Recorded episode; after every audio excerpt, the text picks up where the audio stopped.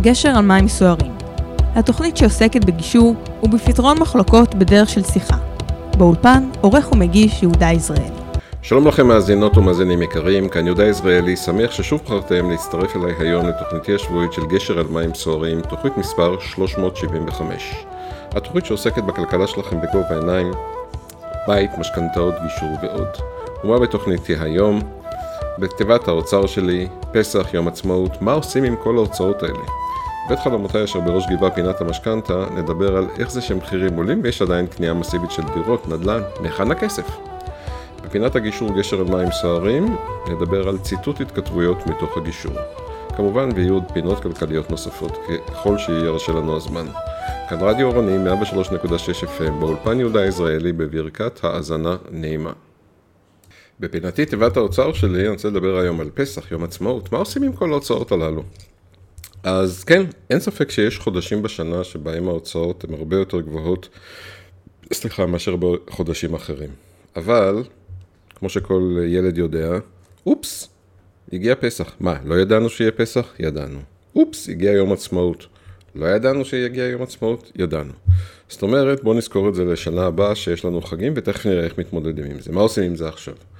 מה שעושים עם זה עכשיו זה בעצם מנסים לכבות שריפות, כי אין לנו ברירה, כי לא דאגנו מראש. אחת השיטות לכבות שריפות זה לפרוס את התשלומים. לא לקחת הלוואה, לפרוס את התשלומים. פריסת התשלומים תעלה לנו בריבית, אין ספק שהיא תעלה לנו בריבית שזה כסף, אבל זה עדיף על אה, החזרים בבנק. אה, דבר נוסף שנעשה זה נתכונן לשנה הבאה. שנה הבאה גם יהיה פסח, גם יהיה אה, יום עצמאות. בואו נשים איזה 100-200 שקל כל חודש בצד.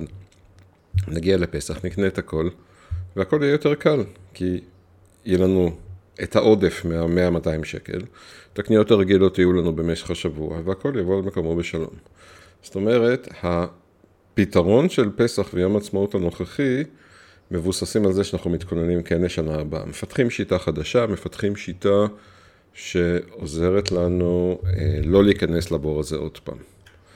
אה, רוב האנשים לומדים ממקרים קשים. להיות בגירעון, להיות על הקצה של הקשקש, להיות עם אה, מינוס בבנק בקצה המסגרת, זה אה, מקרים קשים. אה, אם אנחנו לומדים ממקרים קשים, אנחנו יכולים לפרוח מהם, לצמוח מהם ולהתקדם קדימה. הרי מה יקרה אם נשים 100 שקל, 200 שקל בצד לשנה הבאה, לפסח הבא? מה שיקרה זה שיהיה לנו פחות 100 או 200 שקל להוצאות הרגילות, אנחנו נתרגל לחיות עם פחות. דרך אגב, אפשר אחרי זה לעבור עם הכסף הזה, לעבור איתו ולהפוך לחיסכון, אבל בוא רגע אה, נשאיר את זה ככה. 200 שקל כפול 12 חודשים, 11 כי כבר עבר פסח, עבר כבר שבוע, שבועיים מאז, אה, זה 2,000 שקל, 2,100 שקל, זה כסף שאנחנו יכולים לקחת את הקניות המסיביות של פסח ולהשאיר בחשבון הרגיל רק את הקניות הרגילות של המוצרים למהלך השבוע, שהוא שבוע רגיל, עם טיפה קצת יותר הוצאות כילדים בבית, או יש יותר אורחים, אבל עדיין שבוע רגיל מבחינת הוצאות. לסיכום, אה, ככל שעשינו טעות בעבר, מאוד כדאי שלא נחזר עליה עוד פעם, נלמד ממנה ונתקדם קדימה. אה, ככל שנחזור על הטעויות שלנו, נצטרך לחזור על התיקונים שלהם שיעלו לנו בריבית, במינוס, בגירעון, בטלפונים מהבנק, בכל מיני דברים שאנחנו לא רצינו להגיע אליהם מלכתחילה, הרי בגלל זה התחלנו את הדיון של מה עושים. יום עצמאות יכול להפוך השנה ליום עצמאות כלכלי. זה הכל החלטה שלנו. נחליט לעבוד אחרת, נחליט לקבל החלטות לקראת שנה הבאה, יהיה לנו יום עצמאות כלכלי.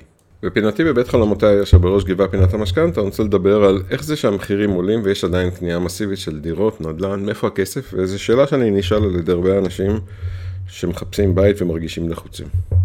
אז קודם כל בואו נזכור שהמחירים אמנם עולים, אבל הם עדיין לא קופצים פי שתיים, לא קופצים פי שלוש, קופצים בחמישה אחוז, עשרה אחוז, אה, ועדיין אה, זה סכום שהוא...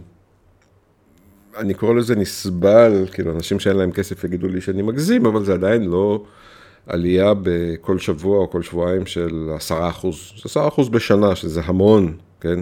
תחשבו על דירה של מיליון וחצי זה 150 אלף שקל, אבל זה לא כל יום קורה, זה קורה לאורך השנה. ולכן בעצם עסקאות שכבר התחילו, זה עסקאות שיכולות להימשך, אוקיי? ולכן יש להם כסף, כי אנשים התכוננו אליהם מראש.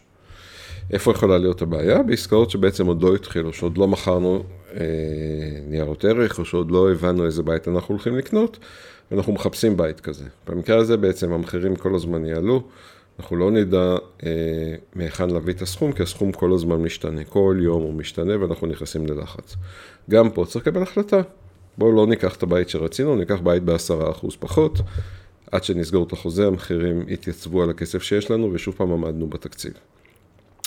דבר נוסף שאנחנו רואים בחודשים האחרונים, בשנה האחרונה, אה, זה בעצם משכנתאות, שהיו עד כה ל-X שנים, פתאום הם לתקופות ארוכות יותר. זאת אומרת, ממוצע המשכנתאות שהיה 10-15 שנים, עולה היום להרבה יותר, 15, 20 ו-25 שנה. אני לא מדבר על אלה שמראש לא באו עם הרבה כסף ומשכו את זה עד 30 שנה, הם גם מושכים את זה היום עד 30 שנה ויש להם בעיה להביא את ההון העצמי. כל השאר מושכים את הכסף ליותר זמן. מה זה אומר? הרי כשאנחנו הולכים פי שתיים זמן, ההחזר לא יורד לחצי. למה הוא לא יורד לחצי? הוא לא יורד לחצי כי יש המון ריבית דריבית שגדלה עם השנים. ולכן בעצם אנחנו לא מרוויחים הרבה בזה שאנחנו מותחים את זה ליותר שנים, אנחנו מפסידים גם, לא מרוויחים בהחזר החודשי, אנחנו מפסידים בריביות שאנחנו אה, משלמים לבנק, וזה בעצם הבעיה המרכזית. ולכן, ככל שאנחנו יכולים, בואו נקנה בית שהוא מתאים לנו, אפילו אם לא נגור בו, נשכיר אותו, אה, ונגור בבית שהוא מתאים לנו, שעליו נשלם טיפה אולי יותר שכירות, אבל עדיין אה, נוכל אה, לחיות בו בלב שלם. היתרונות כמובן, אנחנו נדבר על זה בשבוע הבא, ברגע שקנינו בית, אנחנו בעצם מצמידים את הכסף שלנו למה שאני קורא מדד הבלוקים, כי אם המחירי הדירות יעלו, מחיר הבית יעלה, מחירי הדירות ירדו, מחיר הבית ירד, ולכן בעצם אנחנו לא מחזיקים שקלים שלא צמודים למדד המחירי הבתים, דבר שיעזור לנו לשדרג את הבית בהמשך, או לקנות את הבית גם אם נעשה, בית יותר גדול, אני מתכוון בית שמתאים לנו, גם אם נעשה את זה עוד שנתיים שלוש. אה, זהו. אז זה לא שמסתובבים בחוץ מיליונרים, זה פשוט עניין של שינוי באיזה בתים הם קונים ואיזה משכנתאות הם לוקחים. מבחינתי גשר על מים סוערים, פינת הגישור, אני רוצה לדבר על נושא שעלה לדיון משפטי, אה, שהוא פומבי, אני לא מגלה פה סודות מהחדר, הנושא של ציטוט מתוך הגישור. כשאנחנו נכנסים לגישור, אז גם המגשרים וגם הצדדים חותמים בעצם על הסכם שאומר שכל מה שנעשה בתוך הגישור הוא נעשה תחת חיסיון, סודיות ואסור לצטט את זה. בטח אסור להשתמש בזה, כי הרי לא הסכמנו, נגיד שבסוף לא הסכמנו ולא הגענו להסכמות, לא חתמנו על הסדר, אנחנו בסוף אה, אה, פונים לבית המשפט עם עורכי דין, אי אפשר לסמוך על מה שהיה בתוך הגישור, אסור לצטט אותו, ההסכמות הן לא רלוונטיות. למה זה בעצם נועד? הדבר הזה קורה בגלל שאנחנו רוצים לתת לאנשים את ה... יכולת לדבר חופשי בגישור. להגיד, וואלה, בוא, אולי אני אסכים לזה, אולי אני אסכים לזה. כמובן שהכל כרוך אחד בשני, כמו תמנון. אה, אנחנו מסכימים על משהו, כי הצד השני נותן משהו שני, והוא נותן את המשהו השני, כי אנחנו הסכמנו למשהו שלישי. כמובן ששני הצדדים צריכים לעשות זה כמובן מתוך רצון טוב ולא תחת לחץ, אבל בעצם יש פה איזושהי עסקת חבילה. ברגע שמשהו בעסקת החבילה מתפוצץ, אנחנו בעצם אומרים, כל ההסכמות בטלות. לא רק שהן בטלות, אסור גם לצטט אותן. אסור להגיד, הוא התכוון לתת לי אה, עוד מאה אלף על הבית. לא, הוא לא התכוון. כי הוא התכוון לתת את זה תמורת אה, שינוי במזונות, זמני שהייה, או כל דבר אחר שהיה כדאי לו. ברגע שזה לא, הגיעו, לא הגעתם להסדר, הדבר הזה לא קיים. קטע שהוא קצת יותר אפור, זה בעצם הקטע של ההתכתבות מחוץ לחדר הגישור. מצד אחד, יכול לבוא להגיד למגשר, תקשיבו, אני מדבר איתכם רק בחדר הגישור. אתם רוצים, תבואו לחדר גישור, תשלמו לי פר שעה ונגמור עם זה ככה. יש הרבה מגשרים, אני אחד מהם, שבעצם אומר, רגע, אם שואלים אותי שאלה ואני עונה ואני מעביר לצד השני, לכאורה זה חלק מהגישור, וזה לא משנה כרגע אם חייבתי על זה כסף או לא חייבתי על זה כסף. זה חלק מהגישור וזה תחת הסודיות, למרות שזה נעשה בוואטסאפ, זה לא נעשה בשיחה אה, אה, בתוך חדר הגישור, תחת האצטלה של הגישור.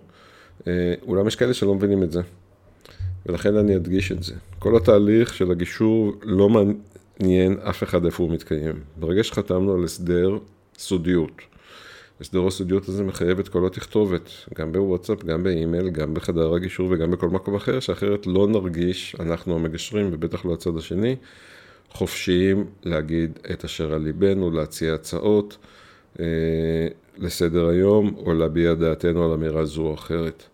הרי רק בגלל הסודיות והחיסיון הזה, אנחנו יודעים שאנחנו מעיזים, מה שנקרא, למתוח את החוטים קצת יותר לכיוון זה או לכיוון אחר, ולמצוא פתרונות שעד אז לא היו.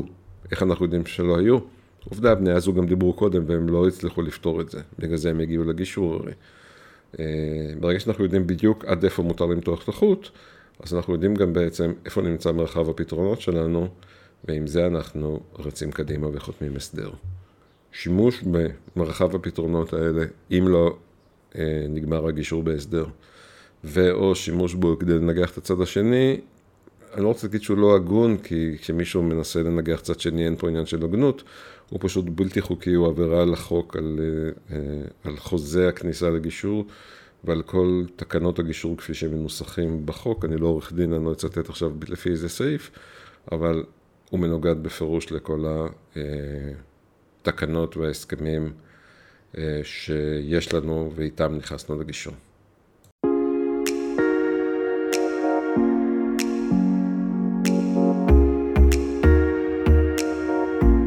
מאזינים לרדיו אורנים, 103.6 FM, תחנת הרדיו של מכללת אורנים.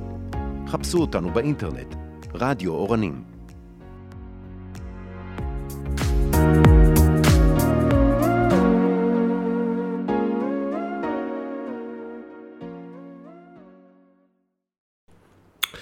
כמו שאמרת לכם יותר מפעם אחת, הרבה פעמים אני אוהב לקרוא את הטוקבקים, והם הכתבים לא נעים להם, אבל הטוקבקים כותבים את האמת. אה, על מה אנחנו מדברים? כתבתה של ליטל דוברוביצקי בוויינט, 190, סליחה, 97 נוסעים שטיסתם מצרפת לישראל המריאה באיחור של 25 שעות, הגישו לבית המשפט השלום תביעה בסך 1.3 מיליון שקל, בטענה כי הורעבו וחלקם נאלצו לישון באותו חדר במלון עם זרים. ארקיע עונה בתגובה, התנהלנו באופן המקצועי ביותר. אז בואו נקרא את הכתבה ונראה, אתם תשפטו. התובעים טוענים באמצעות עורך דין אייל אבידן כי הם לקוחות של ארקיע אינטרנשיונל וארקיע קווי תעופה ישראלים אשר טיסתם אורגנה והופעלה על ידי נתבעות ואמורה הייתה להמריא מגרנובל לישראל, אולם לבסוף יצא לישראל רק כ-25 שעות מאוחר יותר. דרך אגב, זו טיסה סדירה, זה כתוב באיזשהו מקום.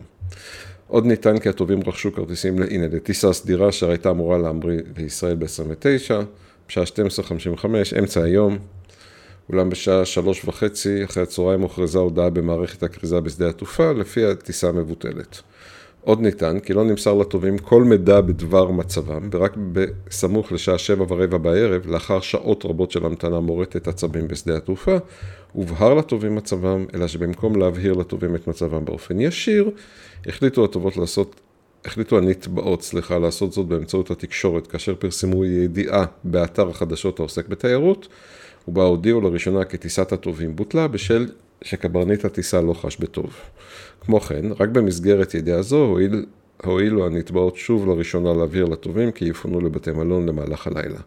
וכי טיסתם חזרה ארצה תתקיים ביום למחרת. קל להבין כי מדובר בזלזול מוחלט מצד הנתבעות, רק בהמשך אותו הערב שלחו הנתבעות לתובעים גם הודעות אישיות באמצעות מסרון.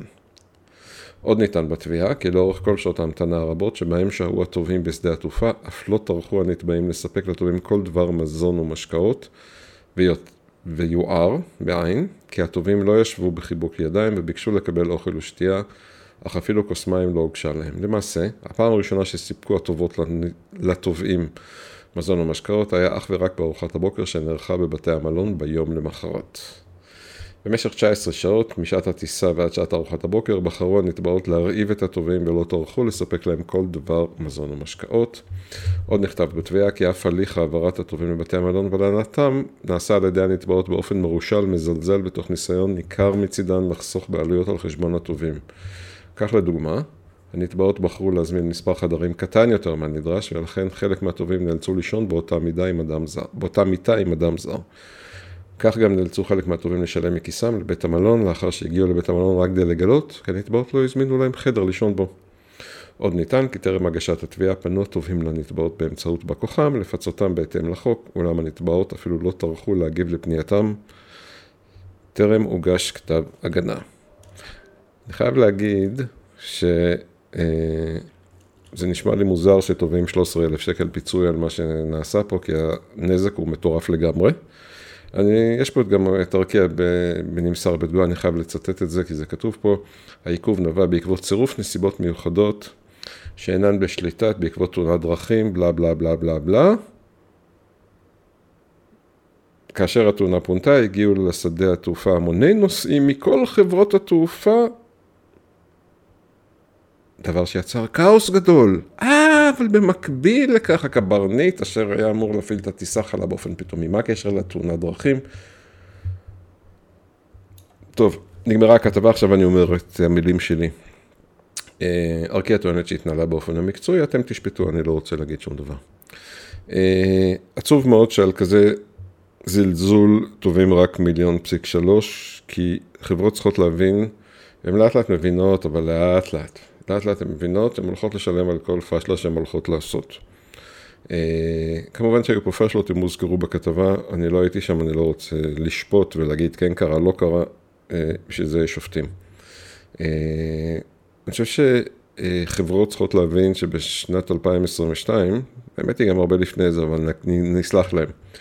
אי אפשר לעשות ללקוחות דברים כמו התעלמות, פקידים שנעלמים, הרי מה קרה פה? כל הפקידי, פקידות קרקע שם שהיו של ארקיע נעלמו פתאום, לאיפה נעלמו? מה? גם להם היה, גם הם לא הרגישו טוב או שהיה להם תאונה מאחורי הדלפק עם המוניטורים. אי אפשר לעשות את זה והם ישלמו על זה ביוקר. בעבר הדברים האלה נסגרו בלי משפטים, כי ישראלים לא טבעו. היום ישראלים טובים וישראלים מקבלים פיצויים. הבעיה היא ש-1.3 מיליון שקל זה לא אה, קנס מהותי להרקיע, והיא, מה שנקרא, תשלם אותה מהעודף הכספי הקטן שיש לה בקופה הקטנה, והיא לא תרגיש והיא תמשיך לזלזל. אה, לכן ראוי שיהיה פה אולי 1.3 מיליון שקל פיצויים, אבל 13 מיליון שקל לקופת המדינה אה, קנס עונשי. אולם, אולם ברם, מה שנקרא, במדינת ישראל לא קיים קנס עונשי משום מה, אה, ולכן זה לא יקרה. אה, רק ממליץ פעם הבאה לעורכי הדין שתובעים עסקים שזלזלו בלקוחות שלהם בצורה ברורה, אני לא מדבר על מקרה שקרה כי איזה פקיד דנה לא יפה. זה מותר לפקידים גם ליפול בלשונם, והחברה לא יכולה לשלם כסף על, על כל נפילה של פקיד, אבל פה זה, זה זלזול מוזמן מראש. לא שלחו אף אחד לעזור להם, כמובן שלא דאגו למספיק חדרים, אני לא חייב לישון עם אנשים, אני לא חייב לקנות אוכל במקום זר, אולי אין שם כשרות, או כל סיבה אחרת שהיא חוקית והגיונית לגביי. תמשיכו לעמוד על הזכויות שלכם, זה, זה המסר הכי חשוב שלי מהכתבה הזאת. פחות בירוקרטיה. שר התקשורת יועז הנדל הודיע כי החליט לפתור עשרות מוצרים מאישור המשרד על מנת להקל על היבוא שלהם, ובכך להגדיל את התחרות בשוק בשוק שתוביל להוזלת מחירים, כתבתה של, אין כתבתה של, כתבה של ynet. הישראלים יוכלו להזמין מאות, מאות מוצרים מחו"ל ללא צורך במילוי טפסים ובקשת אישורים. המוצרים יהיו פטורים מאישור משרד התקשורת ונבחרו לאחר בחינה של שורת מוצרים מבוקשים שיובאו לישראל בשנה החולפת, והוכח כי אינם גורמים להפרעות משמעותיות והיקף הנזק שיכול להיגרם מאי בדיקתן קטן, קטן. המטרה היא להגדיל את השוק והתחרות ועל ידי כך להוריד את המחירים. כמובן שאני אני אגיד משהו אישי, כן? אני אה, מעודד את זה כי אין פה משהו שיש לו מקבילה בארץ, כן? זה לא איזה מוצרים שאנחנו כאן גורמים לאנשים אה, להפסיד את מקומות העבודה שלהם. אה, וזה, וזה שיקול שהוא חשוב. בין המוצרים ייכללו מחשבים, כמעט כל סוגי המצלמות, מצלמות רכב, גו פרו, מצלמות מחשב, מפסקים חכמים לדודי שמש, תאורה חכמה, שערים חשמליים, מכוניות על חשמל, משקל חכם ועוד. בנוסף, בימים אלה יצא משרד התקשורת לשימוע, יצא, סליחה, משרד התקשורת לשימוע שנועד להקל באופן משמעותי על יבוא מסחרי של מוצרים נוספים, לרבות בעלי תקן תו תקן אירופאי, המהלך מצמצם משמעותית את ההליך הבירוקרטי של היבואנים שידרשו להמציא מסמך תאימות לתקנים אירופאיים, הוא מסמך המפרט את התכונות האלחוטיות של המכשיר בלבד. אם המכשיר יכול להיות מיובא לאיחוד אירופי, הוא יכול להיות מיובא לישראל. מהלך זה צפוי להשפיע על אלפי יבואנים מסחרים ולהקל עליהם משמעותית את הליך היבוא ביבוא מקביל, כמובן זה אני מוסיף את המילים האלה. כמו כן, כמו כן יוקצו פסי תדרים רבים נוספים לשימוש הציבור, לגאדג'טים ומוצרים אה, טכנולוגיים נוספים, הן ביבוא אישי והן ביבוא מסחרי. הקלות האלה יעודדו הורדת מחירים באמצעות יבוא מקביל של מוצרים בעלי תו תקן אירופאי, ויגבירו בצורה משמעותית את התחרות בשוק הגאדג'טים והמוצרים הטכנולוגיים. התקנות עליהן חתמתי הם צעד אחד נוסף כדי לייצר תחרות וצמיחה במשק. אה, על מה מדובר? רשימת המוצרים בפטור מלא ביבוא אישי, ציוד היקפי למחשב, עכבר, מקלדת רמקול, צג, טלפון לווייני, דיבורית לרכב, סטרימרים, אה, מזרים וידאו שנושא את הסימון CE, קורא ספרים, אלקטרוני, e-book, מחשב לוח טאבלט, מחשב נייד או מחשב מחשב שולחן desktop, ממיר, מקלט טלוויזיה, מקלט רדיו, שעון יד, למעט שעון יד סלולרי, אה, שואב אבק, מצלמה למעט מצלמת אבטחה או למעט מצלמת תינוק, משקל דיגיטלי, מגדילי טווח עם סימון CE, ראוטרים עם סימון CE, מתאם חשמלי, מכשיר טלפון סלולרי, קונסולה, מפסק חשמל, כל הדברים שדיברנו. אה, מעניין, זה מעניין כי יש פה דברים שאני פתאום לא ידעתי שהם נדרשו ברישיון יבוא ומעוררות מחשבה מה קורה אם היו תופסים אותם לבדיקה, כאילו שלט למצגות, כאילו, אני יודע, לקח לי חודש לשחרר אותו, למרות שהוא של אה, חברה גדולה מאוד וידועה. כתבתו של אורי חודי, חורים בקונספציה, הסיבות שהגדלת ההיצע לבדה לא תשפיע על מחירי הדיור. חודשים ראשונים של 22 לא מביאים בשורה לענף הנדל"ן למגורים. עד כה התוכנית הרחבה שהציגה הממשלה להתמודדות עם זינוק במחירי הדיורות לא ממש השפיעה על המשך ההתייקרויות. 2021 הסתיימה עם עליית מחירים ממוצעת של 1.11, אה, סליחה, טעות שלי, פסיק 3 אחוז, כאשר מחוזות המרכז וירושלים רשמו עלייה של 12 אחוז ביותר. למה זה לא יעזור? בשנת 2021 נרכשו ברחבי הארץ מעט יותר מ-56 אלף דירות. מדובר במספר שלא נצפה כמות, כמו בשנים האחרונות. מבט על נתוני מכירת הדירות החדשות בשנים הקודמות, רק אני מדגיש עד כמה 2021 נתונים חריגים. בשנת 2020, שנת הקורונה, נמכרו ברחבי ישראל כ-40 אלף דירות וב-2019 34. סך הכל מדובר בעלייה של 37% בין 21 ל-20. נמשיך עם השיא השני. אם הישראלים רכשו הרבה יותר דירות, ב-2021 הגיוני שגם היקפי המשכנתאות האמירו, ואכן, גם אלה שברו שיאים, שסך היקף המשכנתאות עמד על כ-116 מיליארד שקל. נזכיר כי העלייה המשמעותית במספר הדירות שנמכרו קשורה בין היתר להמשך מגמת הריבית הנמוכה, אבל גם לאווירה בעייתית שנוצרה בשוק עם התבטאויות של שרים על המשך עליות המחיר. קושי בשיווק מכרזים בשנתיים האחרונות וההיצע שהלך והידלדל. ההחלטה לשוב ולהטיל מס על רוכשי דירות להשקעה הקפיצה אף היא את מספר הדירות שנרכשו בחודש שבו המס עלה בפועל. נתוני על המס החודשיים מעידים כי בחודש שבו עלה מס הרכישה נרשם שיא שנתי ברכישת דירות ועמד על 7,500 דירות. שיא נוסף שלא מפסיק להישבר בחודשים האחרונים, סליחה, קשור למחיר שמוכנים קבלנים ויזמים לשלם על הקרקע במכרזים שמפרסמת המדינה. מכרזים נסגרים בעשרות אחוזים מעל שווי הקרקע שאותו קבע השמאי הממשלתי, ועל חלק ניכר מהמכרזים מסתערים עשרות מתמודדים. מכרזים נסגרים בתוצאות שיא ואת רכישות הקרקע מממנים הבנקים בגופי מימון חוץ-בנקאיים. הריבית נכון להיום עדיין נמוכה והכסף זול ובשורה התחתונה ככל שמחירי הקרקע ממשיכים להאמיר, הסיכוי שמחירי הדירות החדשות ירדו אף שיא. כל הסיבות של האילן מעידות כי יש חור גדול בקונספציה, לפיה הדבר היחידי שיכול להשפיע היא הגדלת ההיצע. ההיצע. התוכנית הממשלתית הרחבה שהציגו שרי האוצר, הבינוי והשיכון ושרת הפנים לפני מספר חודשים, נשענת בעיקר על הגדלת היצע. וכן נתוני שיווק הקרקע מעידים שבמישור זה נצפתה התקדמות. אך מה מועילים מכרזים חדשים שנסגרים במחירים גבוהים? אני יכול להגיד לכם שאני מכיר לפחות מקום אחד שזה היה פי שניים מהמחיר המקורי, סליחה, פי שתיים פסיק שתיים. הם רק ממסגרים שוב את המחיר הסופי הגבוה של הדירה העתידית. חור נוסף שאפשר כבר לזהות בתוכנית, מתייחס אולי לצעד היחיד שהיה אמור לטפל בביקוש ולא בהיצע, העלאת מס הרכישה על המשקיעים. מעבר לעובדה שהטלת המס והעיכוב בהוצאתו לפועל גרמו לשיא משמעותי ברכישת דירות להשקעה בחודש נובמבר, הרציונל שלפיו משקיעים יקנו פחות ויאפשרו לרוכשי דירה למגורים לרכוש יותר, לא מחזיק מים.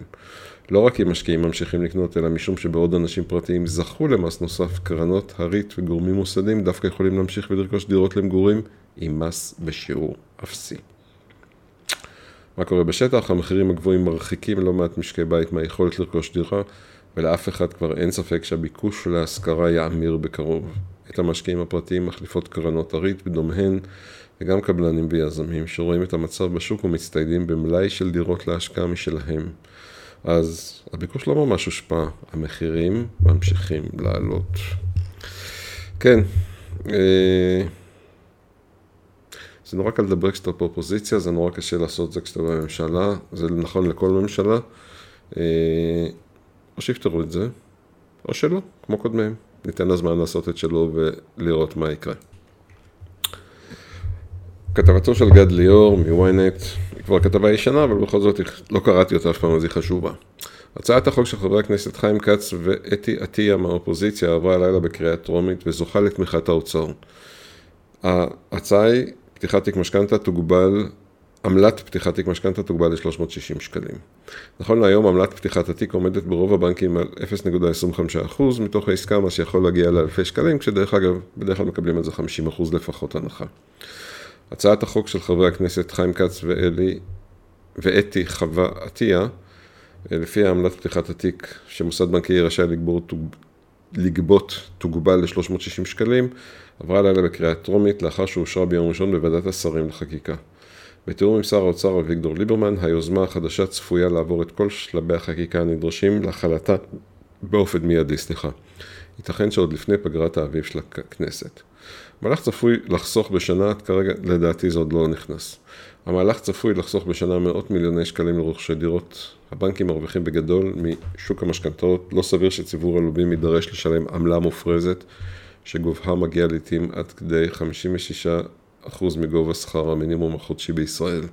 מדובר במהלך מתבקש, שיקל על הנטל הכלכלי על רוכשי הדירות וימנע אפליה בין בעלי יכולת המיקוח לבין אלו שלא. איך אמרתי מקודם? 50 אחוז? אמר חבר, הכנסת, אמר חבר הכנסת כץ בעברו שר הרווחה.